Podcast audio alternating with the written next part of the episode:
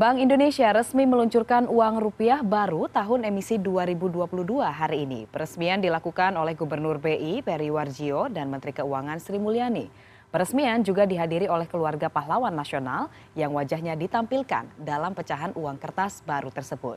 Meski demikian, BI menegaskan uang rupiah kertas sebelumnya tetap berlaku sepanjang belum ditarik dari peredaran.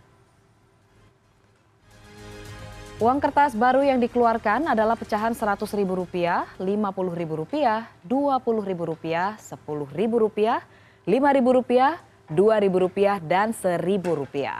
Uang pecahan baru tersebut menampilkan 12 tokoh pahlawan sebagai gambar utama pada bagian depan.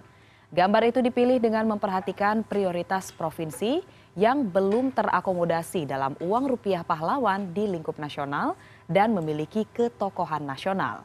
Kini masyarakat dapat menukarkan uang kertas baru dengan mengakses aplikasi pintar.bi.go.id. Meski begitu, selama uang kertas sebelumnya belum ditarik, uang tersebut masih sah digunakan sebagai alat untuk bertransaksi.